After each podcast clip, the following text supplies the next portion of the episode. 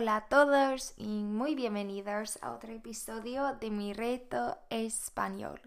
Me llamo Rebeca y soy una estudiante de español e inglés.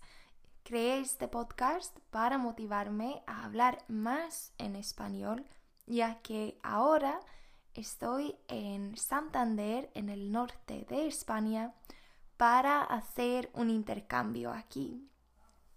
Entonces, he pensado que podría ser buena idea, en vez de hacer episodios muy largos como hacía antes, ahora intentar hacerlos un poco más cortitos, como de 5 o 6 minutos, para así ir compartiendo mi experiencia aquí en Santander como una estudiante del extranjero.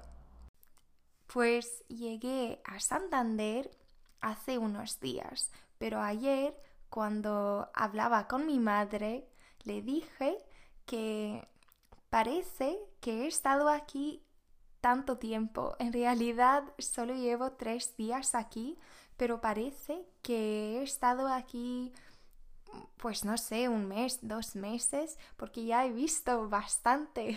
Me gusta mucho caminar y salir de la casa o del piso en el que vivo para así ir explorando. Pues, ¿qué he hecho estos días? Entonces, pues he podido apuntarme al gimnasio, he ido a la biblioteca, he ido conociendo a... Pues he conocido a la chica con la que comparto este piso y también he visto el mar, He pasado mucho tiempo fuera, sí, pero también hay algunas, que algunas cosas que preparar y como ya sabéis, al llegar a un lugar nuevo, siempre hay algunas cosas que hacer, ¿verdad?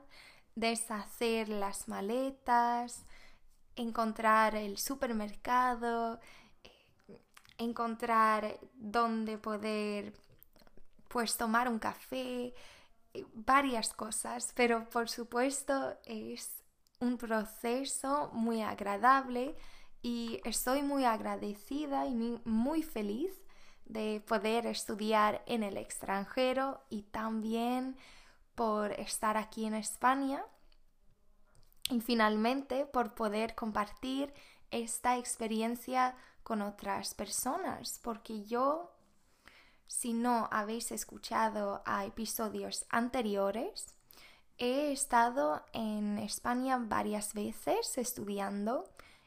Por ejemplo, hice un semestre en Barcelona, pero también he estado de, de au pair, estuve de au pair en Madrid, que también fue una experiencia inolvidable y aprendí muchísimo, pero también me entretuve bastante y finalmente también hice mis prácticas en Ecuador. Ahora entonces no es mi, primera vez haciendo algo como esto, pero os quiero motivar a estudiar en el extranjero o ir a un país si os guste. Creo que esto ha sido todo por hoy. Como veis, es un episodio muy corto y va a ser un poco extraño para mí no hablar tanto, pero creo que es buena práctica también. que tengáis un día muy bueno y nos vemos en el episodio que viene. Grabaré entradas de mi diario español cada semana y espero que os guste y que quieran en que queráis seguirlo. Adiós.